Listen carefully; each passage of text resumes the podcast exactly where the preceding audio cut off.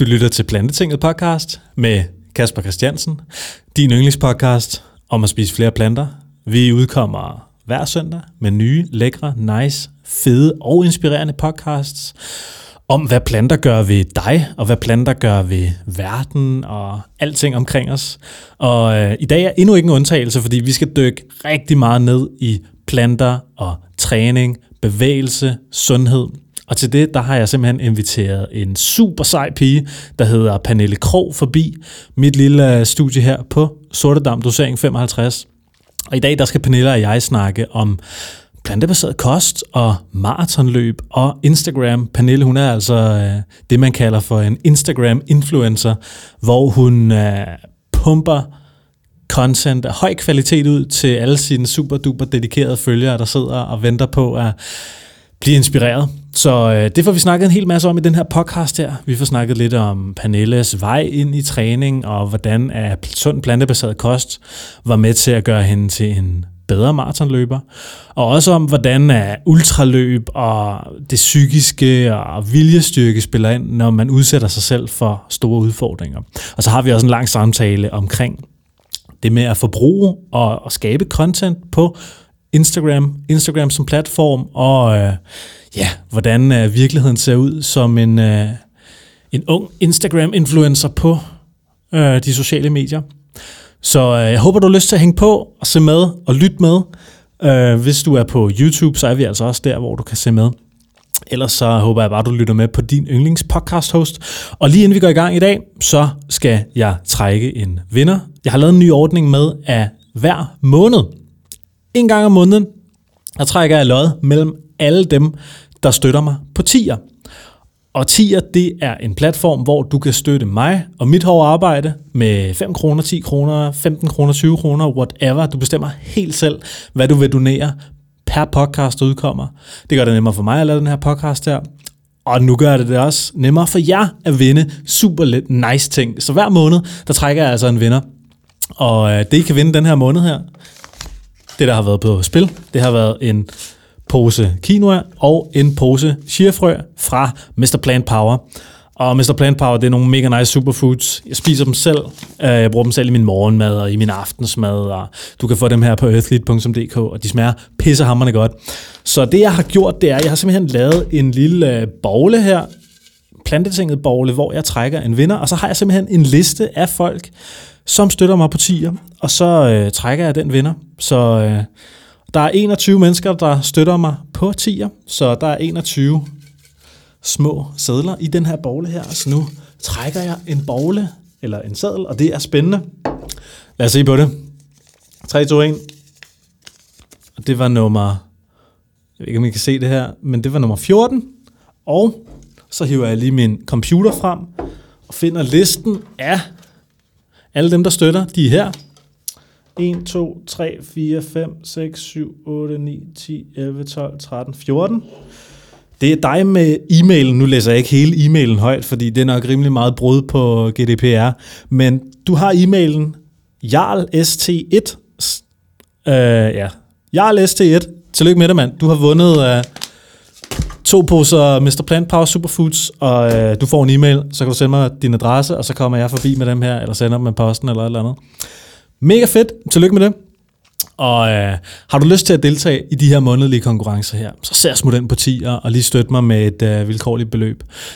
Næste måned, der har vi en ny konkurrence kørende til alle dem, der støtter mig på 10'er.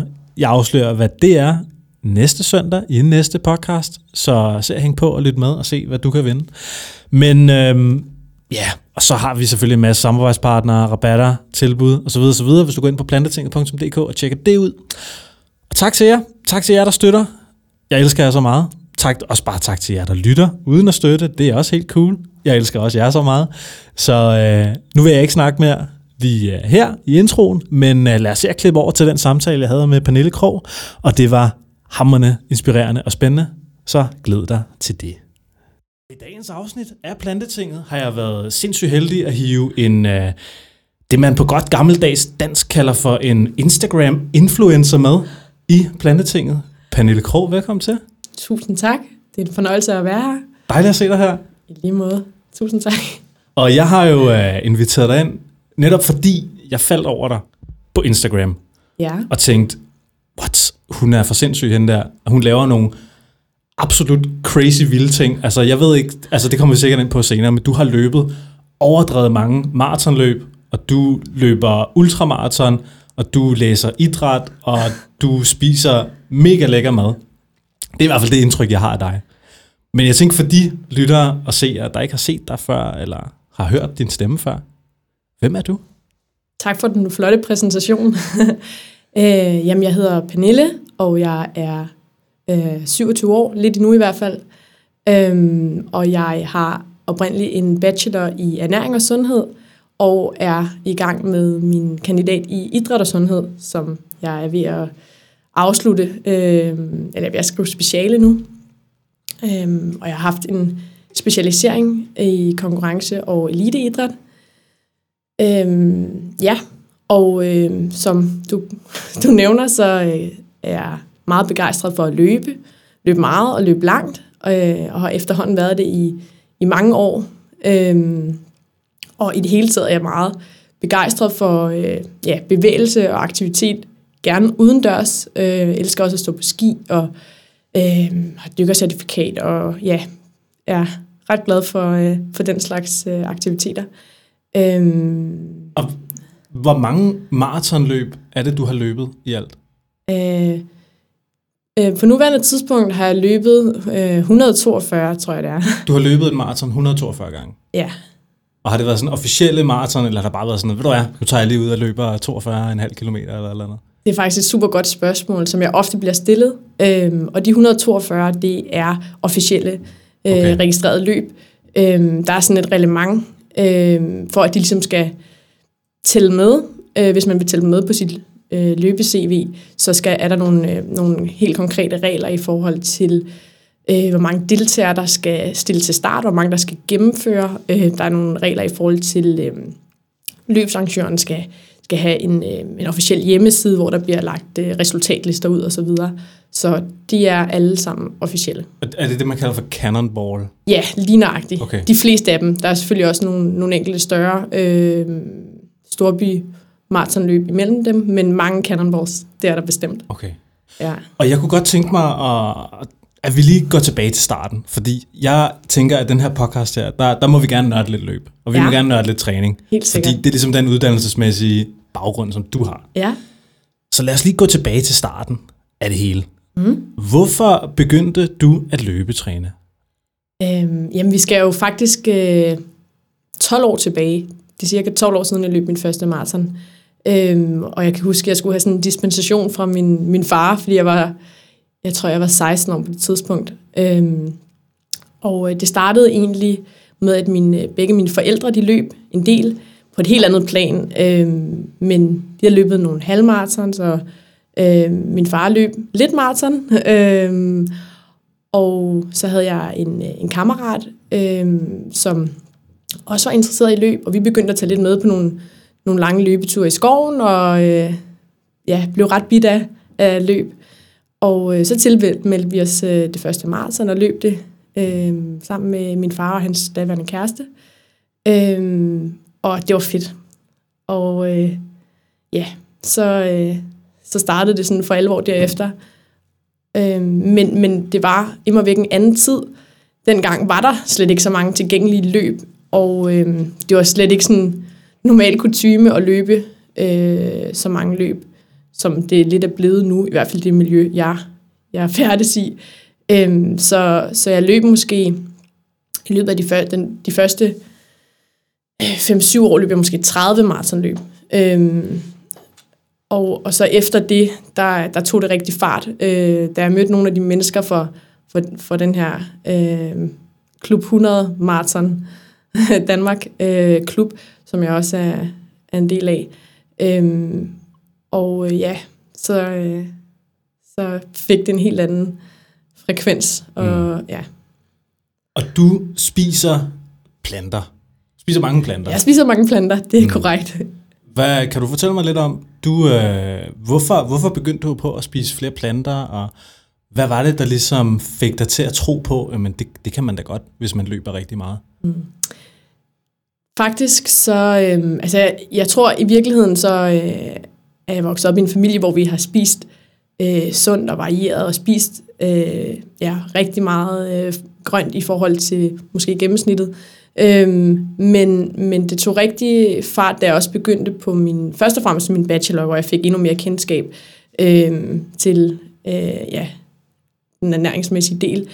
Øhm, men, men for alvor startede det faktisk på, øh, på kan, kandidatuddannelsen, øhm, da især et par medstuderende øhm, og jeg, vi, vi begyndte ligesom at have den her interesse. Der var en, en øh, der er en pige, øh, en rigtig dygtig triatlet på, på mit hold, som øh, hun fortalte om, øh, hun sådan stille og roligt var overgået til øh, en plantebaseret øh, diæt eller kost, øh, som hendes læge faktisk havde anbefalet hende, øh, fordi hun havde haft nogle, nogle øh, problemer. Øh, og så havde hun oplevet en kæmpe forandring i øh, dels i sådan velbefindende, men også i altså, øh, hvad kan man sige, hendes præstation, hendes restitution, og, og på mange måder øh, ja, havde det optimeret mange ting i hendes øh, ja, træning. Og øh, det var ret interessant, og øh, min, øh, min specialemarker og jeg, vi, øh, vi begyndte at kigge på nogle studier og begyndte at interessere os lidt for det her, øh, og kunne egentlig se, at der var mange øh, elite idrætsudøvere, der havde øh, oplevet markante forbedringer i deres præstationer øh, ved at overgå til en plantebaseret diæt. Øhm, og det var ret interessant, synes mm. vi. Øhm, og så startede det faktisk med tilbage i, jeg tror det var i januar 18, øh, Andreas, som han hedder, min, min speciale marker, han, øh, han tog sådan en hel måned, hvor han øh, ville øh, ja, ekskludere animalske produkter. Og han prøvede sådan lidt at inspirere mig til det samme. Og øh, jeg tror ikke, jeg var lige så øh, stringent, som han var. Mm. Øh, men jeg synes, det var vildt inspirerende. Og øh, så sådan gradvist, stille og roligt, så, øh, så begyndte jeg også at spise mindre animalsk. Og begyndte også selv at mærke nogle af de her forbedringer. Øh, og øh, ja, det var, det var faktisk ret øh, fascinerende. Hvad mærkede du? Jamen altså, først og fremmest synes jeg bare, at øh, ja, mit generelle øh, velbefindende blev bedre. Jeg havde det så dejligt. Men, det har jeg fortsat. Hvordan gjorde du det? Altså, kan du prøve at fortælle mig lidt om først? Det skal jeg nok have spurgt om først. Men sådan, ja. hvordan, hvordan begyndte du sådan at ekskludere de der animalske produkter? Hvad var sådan det nemmeste for dig? Jamen, altså det nemmeste, det er 100% øh, kødet. Mm. Øhm, det, øh, altså jeg tror også, øh, langt før, før den her periode, har jeg altså også haft mange dage, hvor jeg ikke har øh, spist øh, kød. Men, øh, men ja, så begyndte jeg øh, også gradvist at skære ned på, på mejeri og æg og ja, i det hele taget alle animalske produkter. Øhm, og det er, altså, fire, jeg tror, fordi jeg gjorde det, processen var gradvis, så har det ikke ligesom været et af, afsavn. Nej, øhm, og ja. også i kraft af, at jeg ligesom havde det så godt, øhm, så tror jeg, at det ligesom var meget naturligt at fortsætte. Øhm, og ja, det... Så mens du gradvist skar animalske produkter ned, ja. så, så fik du det gradvist bedre? Ja, helt sikkert. Øhm, du siger velbefindende, altså kan du prøve at beskrive det lidt bedre? ja, altså jeg føler, øhm, altså det er jo, nu er det ikke lige så markant, som det var i starten. Øh, jeg, jeg har det super dejligt i min krop, men, men øh, det var virkelig tydeligt i starten, især på sådan noget som søvn, øh, energiniveau, øh, og jeg følte mig sådan mere skarp, mere klar. Mm. Øh, jeg følte, øh, min hvad kan man sige, koncentrationsevne var sådan skærpet, og øh, jeg havde egentlig behov for mindre søvn. Øh, og jeg, jeg synes også i forhold til min træning og mit løb, at, øh, at mine resultater blev bedre, og øh, min restitution blev bedre. Øh, ja, og... Øh, så var det, det sådan, så du trænede på samme måde? Ja, Men du ændrede din kost? Ja. Så du havde den helt nøjagtige, nøjagtig samme, uh, hvad kan man sige, trænings, uh, træningsload. Ja. Men ja. Du begyndte at se forbedrede resultater. Ja, lige præcis. Fordi du begyndte at ændre din kost. Ja, altså det er i hvert fald, kost. der er jo selvfølgelig mange faktorer, der kan spille ind på det, men, men uh, ja, i det her lille case-studie bare med mig selv, der, der er min, uh, min konklusion i hvert fald, at, at kosten var den eneste faktor, som jeg bevidst havde, havde ændret. Um, og uh, ja, det, det havde i hvert fald en, en stor betydning. Okay. Oplevede så hvor, hvor signifikant var det? Altså var det bare sådan, så du bare skar minutter af dine maratontider, eller, eller øhm, hvordan? Altså, nu vil jeg godt understrege, at jeg er jo bare en helt almindelig motionist, og der er intet elitært over mig på nogen måde. Mm. Øhm, du løber lidt mere end de fleste, ikke? Jeg løber, det vil jeg gerne vedkende mig, jeg løber måske mere og længere end de fleste, men, men med den referenceramme, eller det sammenligningsgrundlag, jeg har med de, nogle af de øh, mennesker, der løber betydeligt mere end jeg, så ser jeg jo mig selv som meget sådan grøn og øh, ja. Øhm, men, men jo, jeg, øh, der var mange, der begyndte at, at kommentere det. Øhm, det var faktisk her i, i efteråret, specielt øh, oktober og november. I 2018? Ja, i 18. Mm. Der løb jeg øh, lidt mere, end jeg havde gjort i en periode. Øh, og jeg, havde, jeg tror, i november, der havde jeg sådan tre maratonløb i træk, hvor jeg sådan blev ved med at ligesom forbedre min tid. Øhm, og, altså, og det er altså efter, du har løbet sådan konsistent træning i 15 år? Ja, med 12 år, ja. Okay. Øh, mere eller mindre, men altså, jeg, jeg må indrømme, at altså, min træning har lige været sådan systematiseret okay. og struktureret. Okay. Det er meget lystbetonet, og øh, ja, men, øh, men ja, jeg oplevede i hvert fald nogle, øh, nogle øh, forbedringer okay. i min præstation. Wow. Ja. Sæt nogle tal på det. Jeg vil gerne høre tallene. Øh, jamen, øh, jeg tror, jeg skal vel... Øh, åh, hvad er det? 25 minutter eller sådan noget af min, øh, min maratontid. Hold da kæft, mand. Ja. Øhm, og så, ud over det, så, øhm, så, ja, så begyndte jeg også at blive lidt mere nysgerrig på, på øhm, ja, andre, øh, måske lidt større udfordringer. Øhm, og tilmeldte mig kort efter øh, ja, nogle af de her sidste maratonløb i, i efteråret, tilmeldte jeg mig min første 100 km, som var her i starten af januar. Så du tænkte, nu har jeg skåret 25 minutter af min uh, maratontid, nu er jeg blevet plant-based, nu er jeg superwoman, nu skal jeg bare løbe på 100 km. Jeg anser på ingen måde mig selv som en superwoman, men øh, jeg tror bare, jeg var nysgerrig på, hvad, altså, hvad, hvad kan jeg så? Hvad, mm. hvad kan kroppen? Og, øhm, og især med, med langdistanceløb og ja, alle øh, udholdenheds øh, det ved du jo også selv. Øh, der er den, det mentale aspekt jo også en kæmpe stor del. Øh, og øh, ja, der tror jeg bare, jeg var nysgerrig på, hvordan der ledes øh, kroppen og øh, ja, psykologien vil reagere på en, på en større udfordring, en længere mm. distance. Ja. Fedt. Så kan du ikke lige tage mig igennem? Nu siger du, du har løbet 143 maratonløb. 42. 42. og du øh, spiser primært plantebaseret, kan jeg forstå. Ja, overvejende, ja. Overvejende. Mm. Øh, fortæl mig lidt om din kost. Nu siger du, du skal 25 minutter af din maratontid ved bare ændre til at spise primært plantebaseret kost. Men altså, hvis der sidder nogle andre derude og tænker, what, jeg vil sgu da også skære 25 minutter af min maratontid.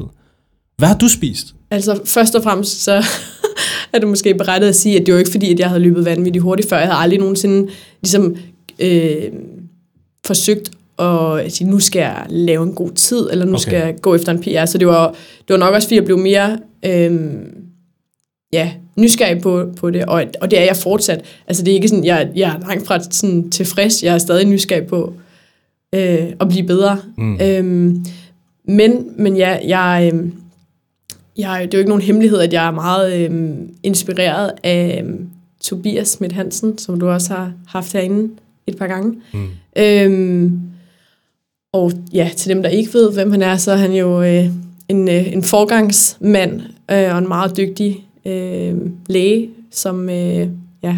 Han har skrevet en for... plantebaseret kost. Det har han, ja. Øhm, og har en meget videnskabelig tilgang til, øh, ja, til hele det her med at spise plantebaseret, og øh, det er virkelig underbygget af, af videnskab. Så mm. øhm, ja, øh, men det har ligesom også været øhm, en eller anden katalysator for mig. Øhm, og, og dels at læse hans bog, og dels at ja, gå lidt mere videnskabeligt til værks og læse studier øh, omkring det her. Og øhm, ja, så, så øhm, det tager udgangspunkt i det, som, øh, ja, som Tobias også forsker med, med den her øh, whole food plant-based diet, mm. med at, at hoved, hovedsageligt eller overvejende spise hele uforarbejdede plantefødevarer. Øhm, og det er egentlig det, jeg gør. Okay. Det meste af tiden i hvert fald. Ja. Øh, med, med små udskejelser en gang imellem. Men, mm. men øh, ja, spise en masse grøntsager, frugt, bær, nødder, frø, kerner, øh, alle mulige former for bælfrugter, linser, bønner, øh, alle mulige forskellige kornsorter, quinoa og ja, hvad der ellers er. Øhm, og øh, jeg synes faktisk, der er mange, der sådan, synes, at det er sådan begrænsende eller øh, på en eller anden restriktivt. måde. Ja, meget restriktivt og sådan fanatisk og ekstremt, hvor jeg tænker sådan, i starten, der vil jeg, der vil jeg gerne øh, vedkende mig, at jeg måske også havde nogle af de tanker, øh, og havde du spurgt mig for to eller fem år siden, øh, så ville jeg sige, hold da op, det er det er lidt ekstremt. Mm. Øhm, men nu synes jeg bare, det er sådan en, en øh, ja, det er, der er så mange muligheder, og det, er, det har så meget at byde på. Øhm, og, og jeg synes faktisk langt hen ad vejen, at det, det er meget mere øh, lækkert øh, at spise noget plantebaseret. Og, og ja, som jeg sagde tidligere, jeg, jeg har ikke rigtig noget afsavn. Øhm, jeg savner egentlig ikke rigtig nogen øh, animalske produkter. Øhm, er der ikke, savner du ikke et eller andet ost eller sådan noget? Var der ikke sådan noget, hvor du tænkte, fuck mand? Mm, nej, altså jeg tror også, det hænger måske sammen med, at jeg, øhm, at jeg, jeg gør det ikke 100 procent. Okay. Øhm, jeg tror, jeg er sådan, hvis jeg skal sætte nogle tal på, er det måske 90 procent. Mm.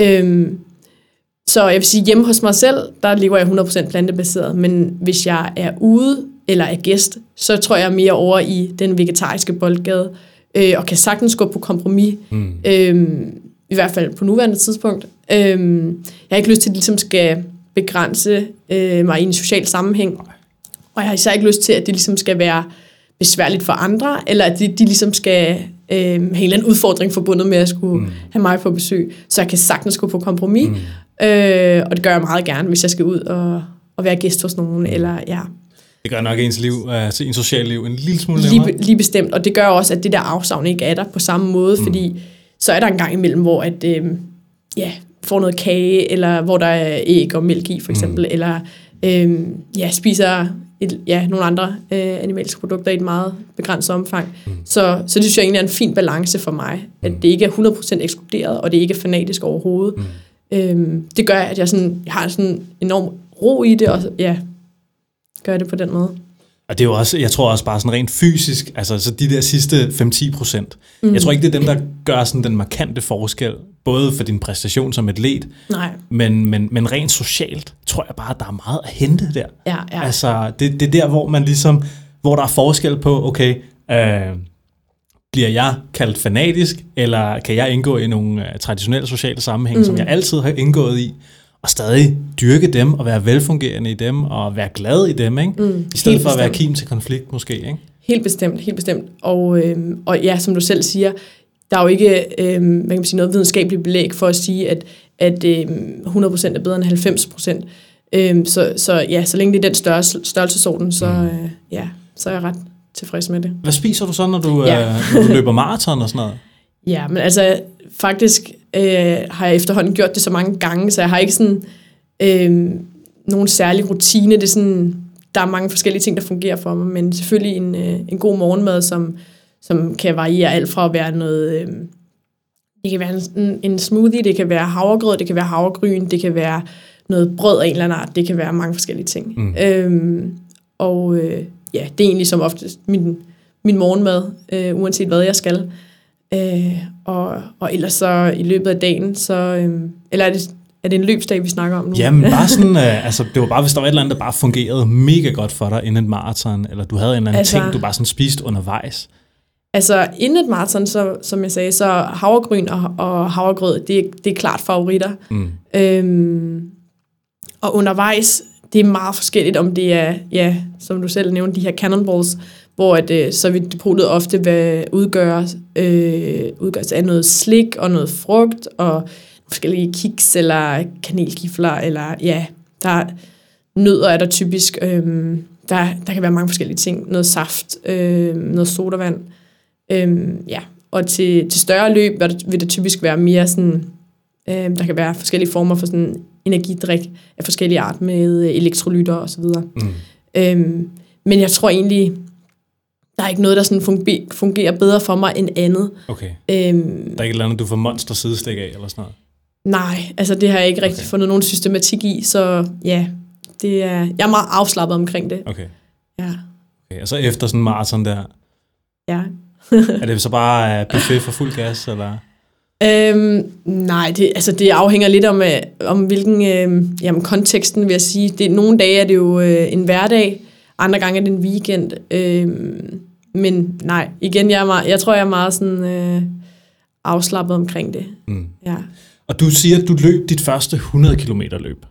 Jeg løb det her den, den 5. januar. Fortæl mig lidt om det. Ja, faktisk øh, har jeg lige løbet mit andet også her i, i starten af marts. Så det er de to gange, jeg har prøvet kræfter med den distance. Øhm, den første gang, ja, jeg havde faktisk ikke rigtig øh, meldt det ud til nogen, for jeg var, det var sådan, jeg var ikke i tvivl om, at jeg ville gennemføre det, men, men jeg var sådan lidt i tvivl om, hvordan jeg ligesom ville øh, ja, reagere på den udfordring. Især sådan den, den mentale aspekt i det. Mm. Øh, så jeg var til forelæsning i Odense, og øh, så kørte jeg direkte til øh, Ringkøbing efterfølgende og overnattede, og øh, så stod jeg tidligt op der lørdag morgen og øh, stillede til start til det, der hedder øh, Ringkøbing Fjordrundt. Jeg tror, det bliver afholdt to gange om året, både en, en vinter edition og, øh, og en sommerudgave Og også. du, tager, du tog vinter edition. Det var, ja, det var den vinter. hardcore. Ja, øhm, det, var, det var meget anderledes end, end, øhm, ja, end noget, jeg har prøvet før. Også fordi der var, der var ikke ligesom nogen afmærkninger på den her rute. Det var en lang rute. Okay. Øhm, så det stillede lidt krav til navigationen. Øh, så, ja. øhm, Men, men kan, kan du ikke load GPS øh, på dit ur? Eller jo, lige bestemt. Der var både, man kunne have det til, øh, til uret og til øh, telefonen. Mm. Så, men det var lidt tidskrævende, og det, her, altså, det er ikke sådan en faktor, jeg normalt øh, plejer at forholde mig til. Nej, der er det jo bare, typisk til Cannonballs, der er det jo øh, flere omgange på samme rute. Typisk en 7 km rute, der skal gennemløbes seks gange. Ja, ja, ja. Ja, Og så er al logistikken klaret for en. Lige bestemt, så skal du slet ikke tænke. Så er det bare derudad. Mm. Øhm, men, men det var også, øhm, det var altså mentalt fungerede det virkelig godt for mig, det her med, at det var en lang rute. Mm. Øhm, det var lidt udfordrende i forhold til dels det der med navigationen, og så, øhm, hvad kan man sige, øh, det her med, med tidspunktet på året. Det var, det var mørkt, da vi startede, øh, og det var mørkt, da vi sluttede. Øh, så det var med, med pandelampe og så videre. Ja, det er fedt. Øh, ja. Øh, og så var der sådan lidt begrænset antal depoter, så det var også øh, ja, nødvendigt selv at have lidt depot med sig undervejs. Øh, og så kendte jeg ingen mennesker. Altså normalt tager jeg nærmest aldrig ud til et løb, medmindre jeg lige har tjekket startlisten og kan se, der står øh, nogle velkendte navne, jeg gerne vil løbe med. Øhm, så det var også lidt grænseoverskridende at gøre det helt alene. Mm. Øhm, Så det var bare sådan fuldstændig uh, panel i Ingemandsland. Ja, det var det faktisk mere eller mindre. Øhm, jeg løb faktisk de første 55 km sammen med, med en, øh, jeg mødte derovre, som var sådan lidt lokalt kendt, og det var jo fantastisk. Han havde løbet løbet to gange før, mm. så der havde jeg lidt hjælp i ham. Øhm, men han udgik så kort derefter, og så, øh, så havde jeg sådan lige ja, en, en 30 km, hvor jeg løb alene øh, op, op langs vestkysten der øh, i modvind. Men øh, det gik godt, og øh, det, var, det var en kæmpe læring, og det var en, det var en fed proces. Øhm, ja, og det er, det er jo faktisk ret fascinerende, hvad, hvad kroppen egentlig kan. Øhm, det handler jo ligesom om, det handler så meget mere om, om det, ja, den mentale del end den fysiske, for altså, kroppen skal nok Mm. klare det. Det er mere om, øh, om hvad kan man sige, øh, ja, det mentale laver nogle benspænd, og det vil det typisk gøre. Det er også Og det, jeg hører. Sådan, jo længere distancerne bliver, jo mere handler det faktisk om, om psyken og sindet, Helt sikkert, ikke? ja. Og ens jo- mentalitet og mindset. Lige nøjagtigt. Men jeg havde sådan, på forhånd havde jeg øh, sådan delt det op, så jeg tænkte, at først så skulle jeg bare løbe et maraton. Øh, det havde jeg prøvet mange gange før, så det skulle der helst ikke være nogen øh, ben i. Mm. Og øh, derefter så ville jeg bare nå halvvejs og rundt de 50 km. Øh, for det føles lidt som om, så skal man bare hjem igen. Ja. Ligesom du ved, ved 21, 21 km på, øh, på maratondistancen. Ja. Det er dejligt at passere, passere halvvejs. Mm. Øhm, og så efter det, så var målet at nå til øh, 57,8, fordi så var der jo kun et maraton tilbage. Mm. ja. Øh, og det virkede virkelig godt for mig. Jeg vil så sige, at det sidste maraton der, det var, øh, det var dog et af de længste, jeg nogensinde har været ude på. Det var, der var langt hjem. Men, øh, men det var så fedt. Hvad der var mindre fedt, det var så, at jeg øh, efterfølgende skulle sætte mig ud i bilen og øh, køre de her 300 km alene hjem. og jeg prøvede sådan, og jeg ringede til min lillebror. Øh, jeg ringede til min øh, tvillingbror, jeg ringede til min mor, jeg ringede til min far. Nå, Ja, øh, prøvede at få tiden til at gå. Men ja. det, var, det var super fedt. shit mand. Hvor, hvor mange timer løb du der? Øh, det tog 11,5 timer cirka. Så du løber 100 km, og så sætter du den i en bil og kører hele vejen hjem. Ja, det var ligesom præmissen. Ja. Ja. Kan, kan det anbefales? Ja. Øhm, jeg ved ikke rigtig, om det kan anbefales. Jeg vil sige, jeg havde jo... Min forudsætning var jo, at jeg skulle tage det stille og roligt og have en god oplevelse med det. Og øhm, som jeg, som jeg øh, lagde ud med at sige, så var navigationen sådan lidt øhm, udfordrende og lidt frustrerende, og jeg havde en del ventetid. Øhm, til sidst øh, i løbet, øh, hvor jeg så løb de sidste 16 km sammen med, øh, med nogle andre, der havde øh, lidt bedre styr på, på navigationsdelen. Øh, så der var lidt ventetid. Øh, så jeg følte egentlig ikke, at jeg sådan havde... Jeg, jeg var da træt, men jeg havde jo overhovedet ikke altså, løbet mig selv ud på nogen måde. Ah, okay. Det var, altså, det var en, det var en behagelig tur, Okay. kan man sige det sådan. Ja.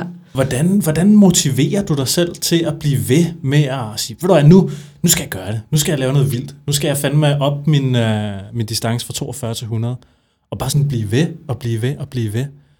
Altså, hvordan kan du fastholde den der løbepraksis, og stadig finde glæden i det?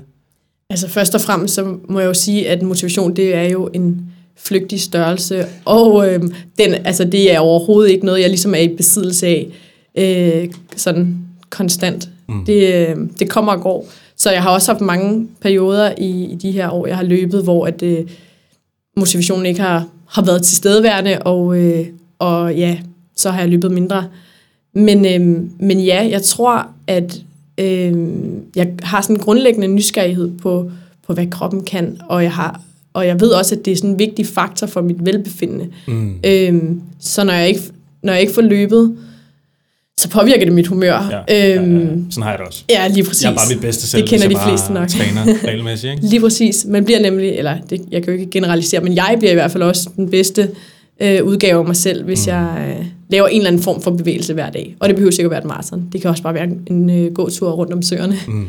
Øhm, men, men ja, jeg tror det egentlig er helt naturligt, at nu har jeg, der er ingen tvivl om, at maratondistancen er min foretrukne, øh, men jeg har også øh, jeg har brugt meget tid på at løbe den distance, så jeg tror det er naturligt, at der er en eller anden, mm, hvad skal man kalde det, nysgerrighed eller udviklingstrang, i forhold til også at prøve kræfter med noget nyt. For ja, et par år siden, der øh, tilmeldte jeg mig en øh, Ironman her i København, og øh, ja, det var, jeg gennemførte, og det var, det var super fint, og det var fedt. Men det var totalt grænseoverskridende for mig, fordi jeg synes egentlig ikke om at cykle, og synes egentlig heller ikke om at svømme. Øhm, og øh, ja, så det var jo lidt en lang proces at nå igennem for derefter at kunne løbe et maraton. Men, men stadig så tror jeg, det er vigtigt, at man, man placerer sig selv i nye situationer. Og øhm, ja, og at man øh, bliver ved med at, øh, ja, at øh, udvikle sig mm. og sætte nye mål.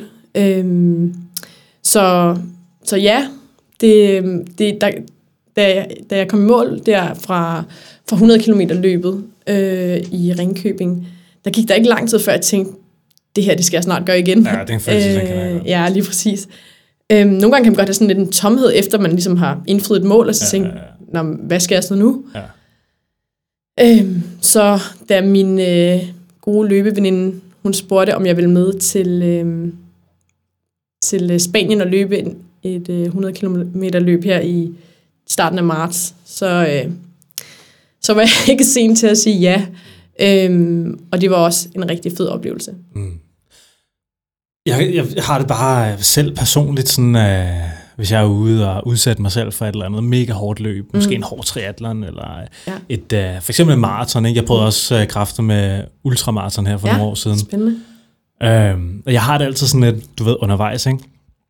Så, så, så, så rammer den der tanke mig, mm. sådan, hvad fanden, hvad, fanden laver du, hvad fanden laver du her, Kasper? Altså, hvad fanden er det, du laver? Hvad er det, du har gang i? Ja, Du kunne, du kunne sidde derhjemme foran uh, skærmen og stille Netflix og spise slik, mm. men, men du løber rundt i en eller anden skov langt op i Nordsjælland og, uh, og har mudder op af benene og sådan noget. Hvad fanden, hvad fanden har du gang i? Men så bliver man færdig, og så går der lige, ja, så går der lige det der, den der halve time, ikke, hvor man halter rundt og så bagefter sådan, fuck mand, fuck hvor fedt. Jeg kan sikkert gøre det bedre næste gang. Jeg kan sikkert have det federe næste gang. Jamen, lige præcis. Det er en sjov mekanisme, ikke? Ja. At vi er sådan der.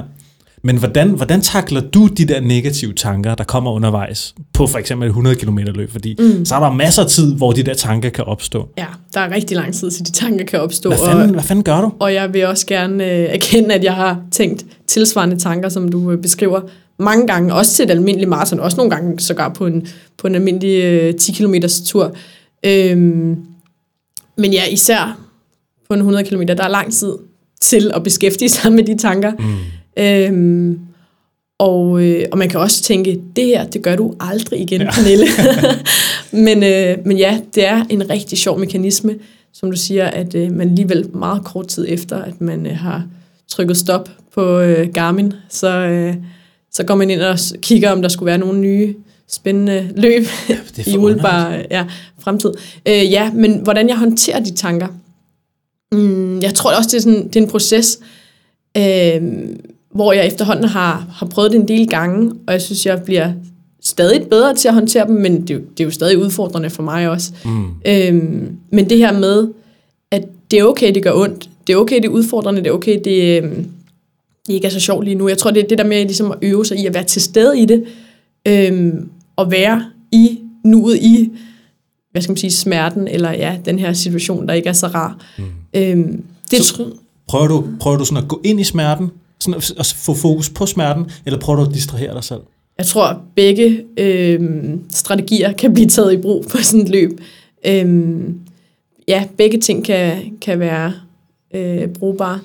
Øhm, men, men ja, det, jeg tror også, det, øh, ja, det handler også om det der med at eksponere sig for det øh, tilstrækkeligt, øh, tilstrækkeligt antal gange, så man ligesom er vant til, at det er okay det her, og jeg kan, sagt, jeg kan godt holde det her ud. Mm. Jeg kan godt fortsætte. Mm. Og, og man ved jo altid, at det slutter. Mm. Det har en ende. Og man ved jo også, hvad der sker, når man står på, på målstregen, eller når, når, uanset om det er et, et løb eller bare en træning, øh, hvor tilfredsstillende det er øh, at nå det her mål, eller færdiggøre en træning. Mm. Øhm, og jeg tror også, det er det, der ligesom driver en, øhm, dels til bare at, ligesom at gennemføre, men også til ligesom at ville forbedre sig, og vil øh, ja, sætte nye mål. Mm. Øhm, Du læser jo idræt ja, og sundhed. yes. Uh, var det i Odense? Ja, Syddansk Universitet. Okay. Lig- Ligger du så pendler?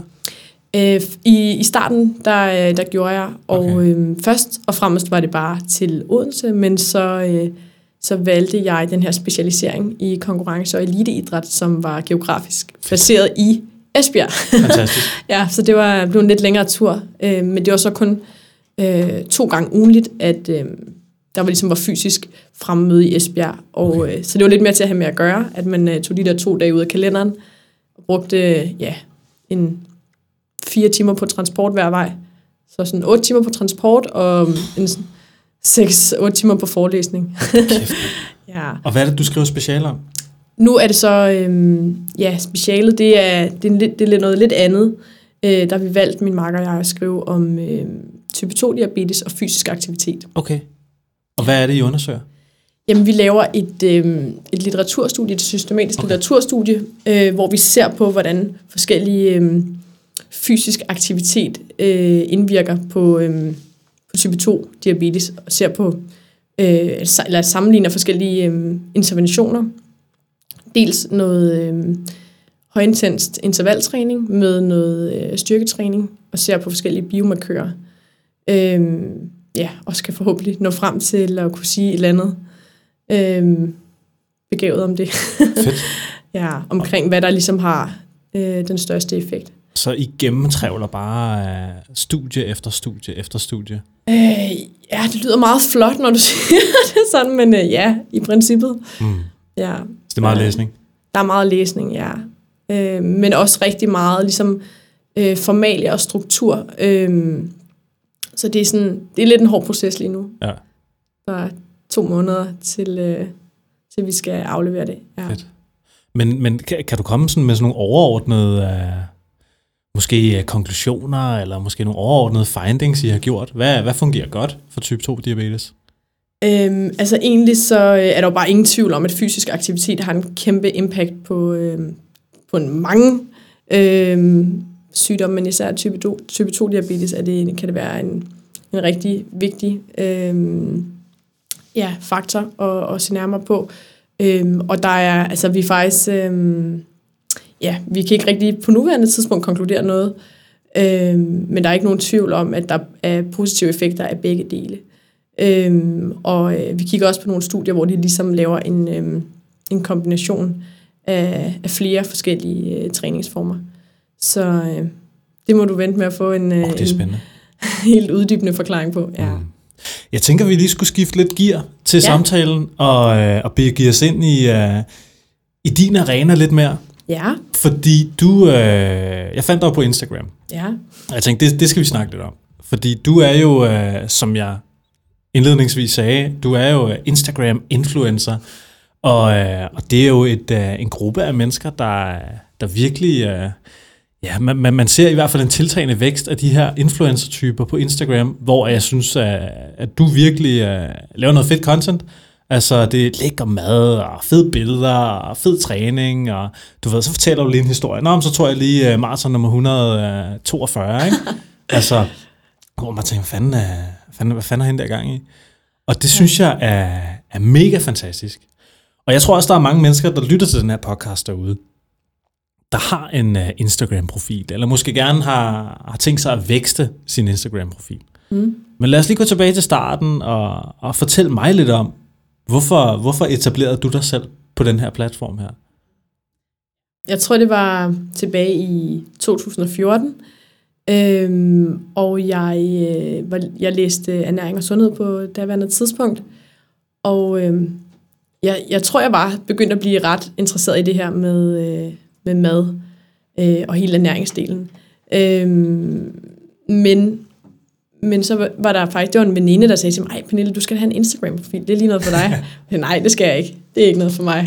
Jeg har rigeligt øh, at bruge min tid på. Men øh, så fik jeg øh, imod væk oprettet den her profil, og øh, fandt jo ud af, hvor, hvor meget øh, lækkert indhold der var, og hvor, hvor meget øh, inspiration der var at hente. Mm dels inden for, for, for kost, men også øh, ja, træning, og, og altså, der, er jo, der er jo noget at hente inden for alle områder på Instagram. Øhm, og der er mange øh, super inspirerende mennesker. Mm. Øhm, så det startede sådan der i 2014, meget stille og roligt. Det var bare altså, en helt privat Pernille Krog-profil. øhm, men øh, ja, så ja, stille og roligt, så tror jeg bare, at jeg begyndte at øh, gå lidt mere op i det her med at tage nogle ordentlige billeder og øh, fokusere på, at der skulle være noget ordentligt lys og en ordentlig præsentation af, af maden. Øhm, og det var primært mad, du præsenterede på din profil? Ja, det er det jo, det er det jo blevet. Mm. Øh, selvom det er jo kun en meget lille øh, brøkdel af mig, men, øh, men stadig noget, som jeg finder enormt sjovt at beskæftige mig med, og interessant også. Øhm, ja, og så... Øh, ja, så er det ene vel bare taget det andet. Okay. Og, øh, så jeg tror, det er mere sådan inden for de seneste par år, at jeg sådan øh, har brugt lidt mere energi på det, okay. øhm, og prøvet at være lidt mere kontinu- kontinuerlig i, øh, i det, jeg sådan poster, både øh, hvor ofte og, og hvad det er, ligesom, at jeg poster. Øhm, ja. Så jeg ved, der er mange derude, der, der måske gerne vil vækste deres Instagram-profil og sådan mm. noget. Hvordan har du gjort det? Jamen altså, det er jo noget, jeg også selv øh, spørger mig om, altså i forhold til, hvordan man gør det her. Fordi jeg, jeg tror bestemt ikke, jeg sidder med, med den rette opskrift nødvendigvis. Øh, men jeg, har, jeg tror, så længe, at øh, man sørger for at øh, have sig selv med i det, og øh, lave det på baggrund af, at man synes, det er, det er sjovt. Øh, det skulle gerne være drivkraften. Øh, og så på en eller anden måde have en rød tråd i det. Mm. Øh, og selvfølgelig have en vis kvalitet i det indhold, man laver. Det tror jeg sådan er grundlæggende nogle gode ting at være opmærksom på. Så hvad er det for en udvikling, du har set, mens du har været på Instagram, og hvad er der sket, og hvordan har, har det påvirket dit liv, at du har været på den platform? Altså, jeg vil sige, det har både haft mange øh, positive øh, hvad kan man sige, effekter, men det har også, det rummer helt sikkert også nogle, nogle negative effekter. Øh, og, og det er ofte sådan, det har ofte været en stressfaktor for mig, sådan, gud, jeg har ikke, jeg har ikke lagt noget op i dag. øh, hvad skal jeg lægge op i dag? Hvis jeg ikke er, lige nu for eksempel er den her proces med specialeskrivningen, at jeg øh, har tilsidesat det lidt, og ikke, jeg føler ikke, at jeg får produceret øh, så meget indhold lige i øjeblikket. og det kan godt være, ja, øh, være sådan lidt en stressfaktor. Mm. Øh, og så, ja, hvis øh, der er sådan, nogle gange kan jeg nærmest fornemme sådan en direkte sammenhæng mellem, hvis jeg øh, ikke lægger noget op, at antallet af følgere, det ligesom øh, daler. Ah. Øhm, så, så ja, det er sådan lidt, det er sådan en, en kedel, der skal holdes oh. lidt i kog, øhm, føler jeg. Mm. Øh, men jeg, jeg tror, jeg, det er min egen lille øh, filosofi, men jeg, jeg, jeg, øh, jeg tror måske, at jeg er blevet bedre til at håndtere det. Måske er der nogen af mine, øh, i min nære bekendtskabskreds, der vil sige mig imod, men jeg synes, jeg er blevet bedre til at, at lægge det fra mig, og øh, øh, nedprioritere det. Og øh, hvis ikke jeg har noget relevant at lægge op, så lad være. Okay. Øhm, og øh, jeg tror også, jeg er blevet lidt bedre til at, at lægge noget op, fordi jeg har lyst, fordi det er Pernille, end i stedet for at tænke på, at vide, hvad der performer godt, mm. og kan vide, hvad folk vil se. Mm. Men det er en rigtig svær afvejning, det er en svær balance, øh, også i forhold til det, du snakker om med at vækste sin Instagram. Øh, skal man gøre det, men man selv øh, har lyst til at lave noget af det, der giver mening for en, mm. eller skal man gøre det, som man tror, at ens følgere vil have og forventer af en, og det, som der vil performe bedst og, og potentielt give flere følgere, det er en rigtig svær balance, synes jeg. Okay. Rigtig svær. Ja. Prøv at fortælle mig lidt om, hvordan du øh, sådan balancerer dit forbrug. Fordi jeg kunne godt tænke mig at høre dig som, øh, som, som Insta-famous Instagrammer. Hvor meget tid, hvor meget tid bruger du på bare sådan at forbruge content mod at skabe content? Super spændende spørgsmål. Altså bruger du, er det sådan 50-50? Er det sådan, bruger du 20% af tiden, du bruger på devicen på at skabe content, og så 80% på at forbruge? Eller fokuserer du virkelig på at ikke at forbruge og bare skabe? Det er virkelig et relevant spørgsmål. Øhm, og øhm, altså jeg vil sige, jeg, øh, jeg håber ikke, det er 50-50. Jeg håber, at jeg øh, creator mere, end jeg er consumer, men, mm. men, men altså, den, det er en svær balance, og jeg bliver selv fanget i den fælde rigtig ofte, hvor at jeg, jeg følger efterhånden ret mange mennesker, og mm. nogle gange så ser man bare de der stories, og bare, ja. det fortsætter jo i en uendelighed.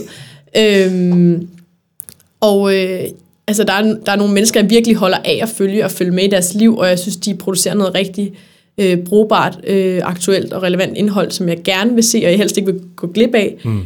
Øhm, men det er umuligt at ligesom øh, se det hele, og det tror jeg, ligesom jeg på en eller anden måde har accepteret, at man ikke kan være opdateret 100% hele tiden, og man kan ikke følge med i det hele. Mm. Øhm, så jeg, vil, altså jeg er meget opmærksom på, at jeg gerne vil øh, ja, skabe mere selv, end jeg, øh, ja, end jeg kigger på, øh, på andres indhold. Mm. Hvordan, øh, hvordan er det forhold lige nu? Altså... Helt ærligt, Pernille. Helt ærligt. ja, det kan godt blive bedre. Der er plads til forbedring. Det er der altid. Mm. Altid, ja. ja. Jeg har sat sådan en funktion på min Instagram, som fortæller mig, når jeg har brugt et kvarter på rigtigt? at forbruge. Det kan, du, det kan du gå ind i indstillingen på Instagram og sige, giv mig en notifikation, når jeg har brugt et kvarter på devicen. Det kan være, du lige skal hjælpe mig med at ja, men det, det er faktisk få etableret det. Ja. Fordi jeg havde det også sådan, jeg kunne også mærke, altså jeg, jeg er rigtig, jeg forbruger rigtig meget på Instagram. Mm. Jeg, jeg skaber ikke så meget indhold derinde lige nu, fordi jeg netop skaber content på nogle mm. andre platforme. Så øh, også fordi jeg tror, at øh, jeg synes, Instagram er et mega fedt medie. Ja. Jeg synes, det kan, det kan virkelig nogle ting. Ja.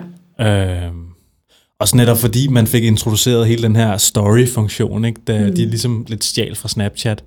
Uh, og så ja, blev det lige pludselig et helt nyt univers, ikke? Mm. hvor det virkelig sådan, du virkelig kunne blive stimuleret, både på at scrolle mm. den ene vej, men også scrolle den anden vej med stories. Ikke? Jo. Så det er bare sådan helt... Uh, altså, det, uh, det trykker på alle ens knapper. Det gør det. Der... Og det er virkelig sådan en... Uh, du ved, sådan en, en rotte i et bur, der står og trykker på en knap for at få kokain, ikke? Jo, det er... Vi vil have noget dopamin. Ja. men uh, ja, men det er, en, uh, det er en rigtig svær balance, og og det er virkelig vigtigt at være opmærksom på. Det er der ingen tvivl om. Mm. Øhm, og ja, derfor tror jeg også, det er vigtigt, at nu i forlængelse af det her med, med hvordan man får en Instagram til at vækste, at det du producerer, det er noget, der giver værdi for dine følgere, så det ikke ligesom bare er øh, ligegyldigt øh, materiale. Altså hvis det kan ligesom give noget. Altså jeg, jeg ønsker med min øh, at inspirere folk, både til at selvfølgelig at spise grønnere, til at bevæge sig mere, øh, og også i et eller andet omfang til at øh, sætte nogle mål, øh, forfølge sine drømme, gøre ting, der gør en glad. Mm. Øh, jeg vil gerne blive meget skarpere øh, på det, og øh, udvikle det endnu mere, når jeg har, har mere tid til rådighed. Men, øh, men ja, det tror jeg er en vigtig faktor også, at det er noget, der skaber værdi, noget andre kan bruge, øh, noget, der kan motivere og inspirere andre mennesker. Mm. Øh, det tror jeg er vigtigt. Og vi hører også hele tiden om den her, øh, altså, den her diskussion. Det er jo en diskussion, der bare har kørt flere år, det her med autenticitet, ikke? hvor autentisk er det, eller hvor mm. fake er det, ikke? hvor mm. poleret er det. Og fremstiller man sig selv som, øh, som værende et eller andet perfekt. Ikke? Mm. Hvordan, øh, hvordan balancerer du i det? Altså, er det bare perfekte panel på Instagram, eller er det totalt øh, flawed panel? Altså, hvordan, øh, hvad, er det noget, du sådan reflekterer over? Jamen, det er også nogle vigtige refleksioner at gøre sig, og jeg håber ikke, at jeg fremstår som perfekte Pernille, for det er jeg langt fra. Virkelig langt fra. Øhm, men jeg synes også, det er en svær balance, for der er også lige i tiden, er der mange... Øhm, øh, eller der, der er sådan en tendens til, at man også skal øh, udstille øh, de mindre øh, flatterende sider af sig selv, og lægge billeder op af øh, strækmærker og deller, og øh, at man lige har grædt. Og det, øh, det synes jeg er, det er måske et meget, meget godt modstykke til noget af det perfekte, men det er ikke noget, som jeg tror, jeg skal beskæftige mig med. Øh, jeg tror, jeg sådan har fundet, eller vil gerne ligge på en eller anden sted midt imellem. Mm. Øhm, men det er svært. Det er rigtig svært. For det kommer nok let til at fremstå perfekt. Mm. Fordi jeg, jeg, øh, jeg, jeg kan jo rigtig godt lide det her med, at det skal fremstå øh, indbydende og lækkert og farverigt, mm. min, min mad for eksempel. Øh, men det er jo super ofte, at jeg spiser noget virkelig kedeligt, øh, og det bare lige er en hurtig gang øh, havregrød eller havregryn øh, med lidt mandler og æble for eksempel. Øh, og så tænker jeg, ej, det gider jeg ikke tage et billede af. Øh, men det er jo også en del af virkeligheden, mm. så det er sådan en svær balance. Øh, fordi at jeg kan stadig gerne vil have kvaliteten, at mit indhold skal være høj og være god. Øh, men det skal jo stadig også være noget relaterbart, så det er jo, ja, det er svært. Og så en, en anden udfordring, det er det her med, med ja, når kvaliteten skal være god, så skal lyset være godt, og det, det stiller altså også bare nogle krav til tidspunkt på dagen. Øhm, så især vinterhalvåret, det er virkelig svært at tage mm. gode morgenmadspil. ja. ja. Øhm, men øh, ja, sådan er det. Det er, det er noget, jeg arbejder med, og øh, ja, bliver forhåbentlig bedre hen ad vejen. Det er jo et uh, work in progress. Det må man sige. Hvordan, øh, hvordan, øh, hvordan melder dine følgere tilbage til dig? Hvad siger folk til dig? Hvordan, øh, har du haters og sådan noget? Nej, det vil jeg faktisk sige, at øh, jeg tror aldrig, jeg har modtaget en øh, sådan decideret øh, negativ øh, besked eller kommentar. Mm. Øh, meget søde, dejlige følgere, jeg har, mm. det må jeg sige. Jeg er faktisk lidt ked af, at jeg er så dårlig til at interagere med dem. Okay. Øhm, og hvis jeg havde flere timer i døgnet, ville jeg gerne svare på alle de beskedanmodninger og kommentarer, jeg får. Og det får du? Øh, ja, jeg føler, at jeg er virkelig utilstrækkelig i min øh, ja, respons på det. og, og det er faktisk også noget, der kan stresse mig rigtig meget. Er det sådan flere beskeder om dagen, du får? Ja, der, der er typisk okay. øh, en del beskedanmodninger, og så øh, øh, ja, kommentarer til billeder er der også ofte. Og hvem er det, der skriver alle de der beskeder? Jamen, det er jo selvfølgelig øh, dels øh, en masse mennesker, jeg ikke kender, øh, men, men også nogle, øh, nogle jeg kender. Øh, eller kender det måske så meget sagt. Det kan både være altså nogle, jeg, jeg kender fra det virkelige liv, men det kan også være nogle, jeg kender fra det mere ja, virtuelle liv. Mm. Øh, og det, det er noget, jeg virkelig gerne vil blive bedre til. Øh, jeg tænker, når jeg er færdig med det her speciale, at øh, jeg virkelig gerne vil ændre min, øh, ja, min øh, måde at håndtere det på, og blive bedre til at interagere med mine mm. følgere. Øh, det, det er virkelig også noget, der kan, kan stresse mig, at jeg, øh, at jeg er ja, så øh, insufficient til at, at få meldt tilbage. Mm. Øh, så ja. Men skal man, skal man være tilgængelig? Skal, det, man, skal man give uh, sine følgere det, det helt præcise svar på deres spørgsmål? Altså, skal man være til stede for dem? Skal man... Uh, altså... Ja, endnu et godt spørgsmål, Kasper. Øhm, det ved jeg ikke, om man skal. Øh, og måske skal man i hvert fald finde en eller anden balance for, hvor meget tilgængelig man skal være. Øhm, men igen, det er også noget, det tror jeg også er noget af det, der er afgørende for, øh, om man vækster eller ej. Mm. Hvor meget man ligesom giver af sig selv til sine følgere. Øhm, og øh, ja, og mange af, det, de, mange af dem, der skriver, det er jo helt relevante spørgsmål og øh, virkelig søde ting. Øhm, men, men ja, det er, det er virkelig bare, øh, lige nu er det lidt nedprioriteret Mm. i forhold til øh, ja, specialeskrivning der. Så det er, det er noget, jeg virkelig gerne vil blive bedre til. Ja, ja, ja. Er det så mest sådan helt unge piger, eller er det, er det mænd, der er mm. interesseret? Eller? Nej, det er, det er langt hen ad vejen unge kvinder. Jeg tror, at 90 procent af mine følgere, det er kvinder. Okay. Øhm, så en sjældent gang imellem, at Har, har du sådan en businessprofil, hvor du kan se statistikken på? er lige bestemt, ja. Okay, og hvad, øh, hvad, hvad for en aldersgruppe øh, snakker vi? Jamen, det er typisk altså unge kvinder, øh, og, og, hovedsageligt her fra hovedstadsområdet. Okay. Jeg tror, det ligger på øh, fra sådan en, ja, typisk mellem 20 og 45 år, eller sådan noget i den stil. Okay. Ja. Okay. Nå, okay, så du har ikke sådan en spike i 18-24-årige, eller sådan 25 til Øhm, 29 år eller eller nu andet? kan jeg ikke lige helt huske inddelingen, øh, men jo, det er, det er den, den øh, yngre del der, der er flest af. Mm. Øhm, men nej, det er primært kvinder, der, der skriver Okay. søde, dejlige spørgsmål. Øhm, og, og hvis det er noget, der virkelig øh, er øh, akut, eller noget, I meget gerne vil have svar på, så kan I eventuelt sende en mail til mig derinde. Mm. Øhm, det er jeg lidt bedre til at få svaret på. Mm. Øh, Det er også lidt mere formelt, ikke? Jo, men lige præcis. Øhm, men det er virkelig ikke, fordi jeg ikke vil svare. Jeg vil super gerne. Ja. jeg vil super gerne svare alle. Øhm, ja, så Ja, I, I feel you. Altså, det er, det, det er også, altså fuck, det er meget tid, man skal bruge, ikke? Og mange, meget energi, man skal bruge, hvis man skal svare flere mennesker om dagen. Ja, ja, Og, og ligesom uh, bruge al sin tankeenergi på det. lige bestemt. Så, uh, så det har jeg fuld forståelse for det. Helt sikkert. Hvis uh, der sidder nogen derude og tænker, ved du hvad, satan, jeg skal, jeg skal have en lige så fed Instagram som Pernille. Har du sådan, har du sådan the tips, tre tips til, hvordan du får en lækker, plantebaseret trænings-Instagram? Øhm, Fordi jeg ser, jeg ser så mange nye profiler derude poppe op næsten hver dag med ja, ja, ja. plantebaseret mad og træning. Og, og du, du ved, Ja. det er jo ligesom det er jo de to primære ting, mm. der kører på Instagram. I Helt hvert fald i min feed, og sådan som jeg forstår ja. Instagram. Så er det træning, og så er det mad. Ja. Og de to ting formår du at kombinere rigtig godt, synes jeg. Mm. Så, så hvordan, øh, ja, hvordan gør man det? Ja, jeg vil gerne prøve at elaborere, men det er, altså, det, jeg tror, det er ret svært ligesom at, at øhm, finde en eller anden øhm, helt øh, ja, grundlæggende opskrift på det. Øhm, men, men som sagt, nummer et tror jeg er at øhm, have noget kontinuitet i, øhm, i det, du, du poster. Både på, på, øhm, ja, på, din, øh, på din væg og på, eller i dine stories. Så det skal, Øhm. der skal være regelmæssighed, både i tema og i antal af posts? Ja, det fornemmer jeg i hvert fald. Øhm, og så selvfølgelig det her med kvaliteten. Øhm, det, det tror jeg også er en vigtig faktor. Tager du alle dine billeder med telefon eller med kamera? Øh, jeg havde en periode, hvor jeg tog med kamera, men nu tager jeg faktisk alle sammen med min, øh, min telefon. Okay. Øh, jeg synes, det var, altså, igen, det er måske også noget, jeg skal overveje at ændre, hvis jeg får mere tid til det. Men øh, jeg synes, det er nemmere at, øh, ja, at have, have dem på telefonen, Ja, og det, det øh, gør processen lidt hurtigere og nemmere for mig.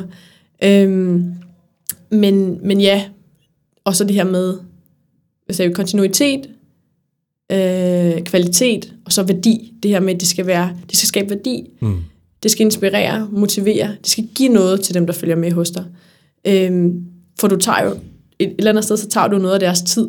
Så skal vi ligesom have noget øh, retur for det, føler jeg. Mm. Øhm, ja, så umiddelbart er det mine tre bud. Det kan være, at jeg skal tænke lidt mere over det, for at kunne komme med et øh, mere uddybende svar. Fedt. Ja, Mega godt. Du har jo, øh, du har jo læst ernæring og sundhed, og Ja. læser nu øh, idræt og sundhed. ja. Hvad skal der ske fremadrettet? Hvad skal der ske i fremtiden? Det er også et godt spørgsmål. Er der noget, du har tænkt over? Er der noget, du sådan har... Har du en plan? Øhm, Har du et mål? Jeg har en plan, og den plan er faktisk lidt, at der ikke skal være nogen plan lige nu. altså, jeg, øh, jeg må indrømme, at øh, noget, der gør mig ret bange, noget jeg frygter, det er et, øh, sådan et helt traditionelt 37 timers job. Øh, på nuværende tidspunkt, jeg vil ikke afskrive, øh, at det på, en, på et andet tidspunkt i mit liv kunne give mening for mig, men, men jeg tror, jeg har, jeg har rigtig mange øh, drømme. Jeg har mange ting, jeg gerne vil udforske, øh, udfordre, og øh, ja, jeg, øh, jeg føler, det vil, øh, det vil være lidt at modarbejde mig selv, hvis jeg skulle øh, have et helt, helt almindeligt øh, sådan et øh, 9-17 job. Men du fortsætter med Instagram? Altså, jeg har, jeg har tænkt mig at fortsætte med Instagram, og jeg har tænkt mig at... Øh, Tjener du penge på Instagram? Øh, ja, altså i, i et begrænset omfang. Man Okay. kan sige, det er en form for øh, studiejob. Ja, ja, okay. øh, men, men jeg kunne godt tænke mig at, øh, at gøre endnu mere ud af det. Øh, så længe jeg synes, det er sjovt, og så længe jeg synes, det er spændende at arbejde med Ja. det medie, så, øh, så vil jeg gerne fortsætte med det. Og jeg overvejer at øh, ja, gøre endnu mere ud af det, og, og se, hvad jeg kan drive det til. Mm. Øh, kombineret med, måske med noget, øh, øh, ja, noget, enten en eller anden form for konsulentfunktion øh, i kraft af min idrætsuddannelse og noget sportspsykologi. Øh, og selvfølgelig også ernæringsstilen, som jeg synes er, er rigtig interessant, men også rigtig vigtig. Øh, og især det her, nu når vi snakker meget om den plantebaserede diæt, at det ligesom er, at folk øh, spiser på et øh, informeret, oplyst grundlag. Øh, jeg tror, der er, jeg tror faktisk, der er brug for, for øh, ja, nogle mennesker, der kan, kan øh, ja, gå lidt mere videnskabeligt til værks, øh, hvad angår ernæring. Mm. Øh, Enig. ja, og øh, jeg synes, ja, som sagt, jeg, kan, jeg vil rigtig gerne inspirere folk til at spise grønnere. Mm. Øh, jeg så en, øh, en rapport øh, fra Sundhedsstyrelsen, tror jeg det var, øh, hvor der, der stod, at kun 12 procent af øh, den voksne danske befolkning øh, levede op til anbefalinger øh, i forhold til frugt og grønt Det er også helt fucked. på 600 gram. Altså 12 procent. Ja. Det, er jo, det er jo forsvindende lidt. Altså, 600 gram, ikke? Det er sådan, det er halvdelen af min morgenmad. Jamen, jamen lige præcis. Det, er, det burde være øh, sådan ret, Ret nemt. ret nemt at få 600 Ja. ja. gram. Og især, øh, jeg kan huske, vi læste på et tidspunkt et studie, øh, min, øh, min speciale makker og jeg, øh, fra, jeg tror det var Storbritannien, hvor det ligesom var øh, evidens for, at der er yderligere øh, sundhedsmæssige fordele ved at spise endnu mere frugt og grønt end de 600 gram. Jeg tror, det var, jeg tror, det var undersøgt på 800 gram. Øh, men ja, der er altså lang vej op til den kurve flader ud, altså i forhold til, hvornår de her øh, sundhedsmæssige fordele, de aftager. Okay. Så der er virkelig bare så meget Ja, ja, ja, ja. ja, at hente øh, ved at spise mere frugt og grønt. Og når folk spørger mig, så altså, hvis man ligesom skulle gøre én ting anderledes, så vil jeg også til hver en tid sige, spis mere frugt og grønt. Mm. Øhm, ja, det, det tror jeg bare er super vigtigt. Og så også spise altså mindre forarbejdet. Øhm, spise mere rigtig mad. Truth. Øh, ja, Truth det, øh, så det synes jeg også er enormt interessant at beskæftige mig med. Og øh, ja, jeg har også førhen øh, undervist øh, mellem min, øh, min bachelor og, øh, og kandidaten, og det, altså, det vil jeg heller ikke afvise kunne være interessant at gøre igen. Øh, det vigtigste for mig, det er bare, at det er, det er meningsfuldt, at det er noget, jeg synes, der er sjovt, noget, der giver mig noget, og det er sammen med nogle, nogle mennesker, som, øh, som giver mig noget. Mm. Øh, men ja, det, jeg vil sige, lige nu er, så er jeg åben over for rigtig mange ting. Øh, så jeg, har, jeg lægger mig ikke fast på noget. Og øh, ja, jeg glæder mig egentlig bare til at finde ud af, hvad, hvad jeg skal bedrive fremtiden med. Cool. Fedt. Jeg tror også lige så stille, vi skal til at, at runde af. Der er en sidste ting, jeg faktisk gerne vil spørge dig om. Mm. Fordi uh, lige lidt tilbage til det Instagram noget. Fordi Ja. det er jeg bare nysgerrig på. Ja. Uh, du får vel nok en masse henvendelser fra en masse virksomheder, der gerne vil lave reklame i forbindelse med dig. Hvordan håndterer du det, og hvilke værdier går du til det med? Ja, det er, det er faktisk også øh, vigtigt at komme omkring. Altså, jeg, øh, jeg får rigtig, rigtig mange øh, hvad kan sige, øh, tilbud om øh, samarbejder og, og produkter, øh, og jeg har, har gemt, altså jeg tror, det er startet, eller sådan, øh, med, at have, med at få nogle, nogle flere følgere på Instagram, så er jeg sådan, fedt, når folk skriver, ej, det vil jeg mega gerne smage, og nu er jeg blevet meget mere selektiv og kritisk Okay. i forhold til, hvad jeg ligesom øh, vil tage ind. Øhm, Hvad, hvad, hvad tager du ikke ind, og hvad vil du gerne tage ind? Hvad synes du er fedt? Ja, øh, for, først vil jeg lige starte med at sige, at jeg havde for eksempel, nu vil jeg ikke nævne nogen navne, men jeg havde et samarbejde i en, jeg tror en, et halvandet års tid, øh, med et brand, øh, sådan en fitness brand. Øh, og jeg, jeg kunne bare mærke hver gang, at jeg skulle øh, lægge et billede op, så føltes det forkert, mm. fordi det var ikke rigtig noget, at jeg ligesom, jeg kunne ikke se mig selv ligesom ambassadere for det, det var ikke noget, jeg ligesom ville anbefale andre at bruge det her produkt. Nej, okay. Øhm, og til sidst, så, øhm, så var jeg nødt til at skrive til dem, at, at øh, jeg har været rigtig glad for det her samarbejde, men, øhm, men at, at jeg tænkte, det var bedst for, for begge parter, at vi ligesom afsluttede det der. Øh, også fordi jeg havde ændret, øh, hvad kan man sige, min, min kost. Øh, og det her, det indhold blandt andet, øh, hvad kan man sige, ja, mejeriprodukter, ikke? Okay. Øhm, så øh, jeg vil gerne, jeg vil gerne, hvad hedder det, ambassere for produkter, som jeg står inden for, og det kan for eksempel være, øh, ja, plantebaserede produkter, og no, altså gerne noget, der er så uforarbejdet mm. som muligt, noget, der er ligesom er så rent et produkt som muligt. Mm. Så du er meget værdibaseret i din tilgang til de samarbejder, du laver? Jeg kan sagtens blive mere værdibaseret, Okay. men jeg vil gerne arbejde hen imod det i hvert fald. okay. Øh, og jeg er blevet det mere, end da jeg startede på Instagram i hvert fald. Okay, Helt sikkert. okay. Ja. Så det handler ikke kun om penge, det handler også om at... Nej, overhovedet ikke. Og det, det tror jeg også er, er vigtigt, også i forhold til følgere, øh, at man ligesom øh, har sig selv med i det, mm. og øh, ja, tænker over, hvad man tager ind. Mm. Øh, og ja, og, og så et eller andet sted også begrænser det lidt. Øh, Så det er hver post, der bare er reklame. Lige præcis. Det, det kan i hvert fald have en negativ effekt. Øhm, men men jeg, kan også, jeg har også forståelse for dem, der ligesom lever af, af sociale medier, at det ligesom er en måde, øh, der ligesom giver dem øh, kan, ja, grundlag for at kunne lave det, de gør, for at producere det indhold, de gør. Øh, så kan jeg godt se, at det kan være nødvendigt med nogle betalte øh, partnerskaber øh, og nogle, øh, ja, noget sponsoreret indhold. Øh, for det så giver dem mulighed for at lave det, de, øh, de er dygtige til. Fedt. Mm. Fedt. Gode refleksioner.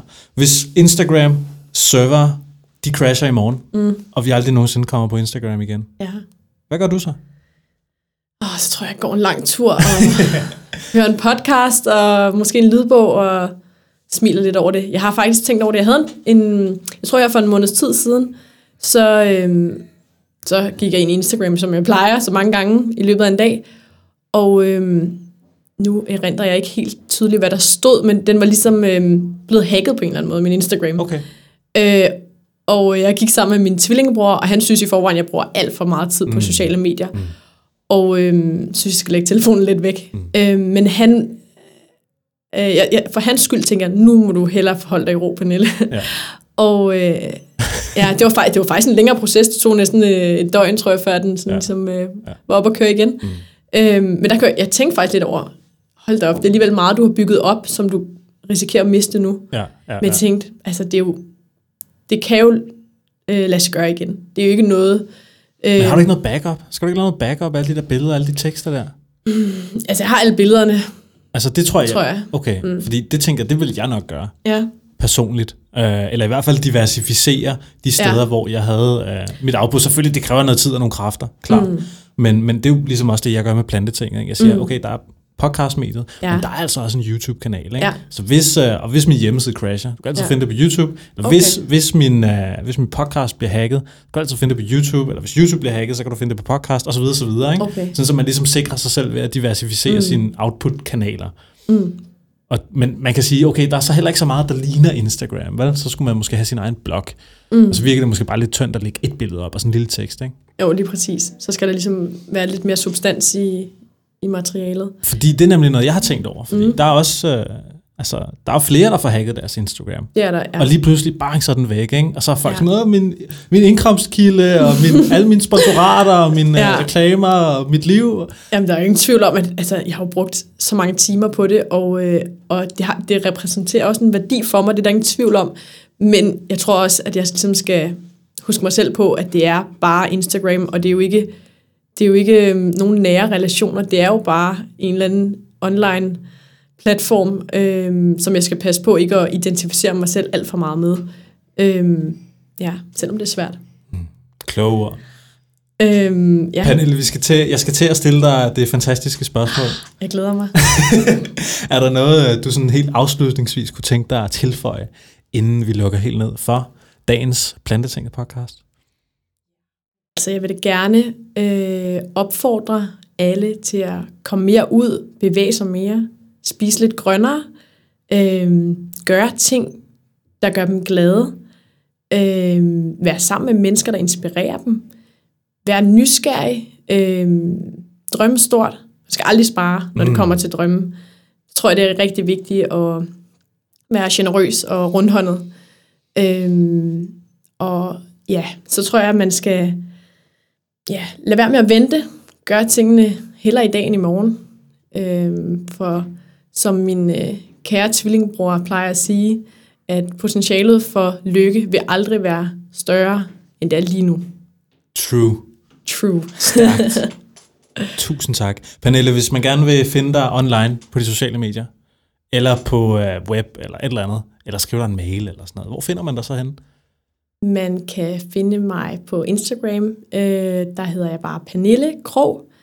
Øh, og derigennem kan man også sende mig en mail.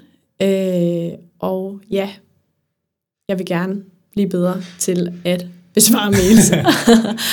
ja, og beskeder. Det, det vil jeg helt sikkert gerne. Cool. Fedt. Jamen, øh, skal vi øh, lukke den helt ned nu? Og så sige øh, tak for i dag til vores kære lyttere. Tak for i dag, kære lyttere. Tusind tak for i dag, kære lyttere. Det var en fornøjelse, at øh, jeg måtte være med. Jamen, jeg er glad for, at du gad.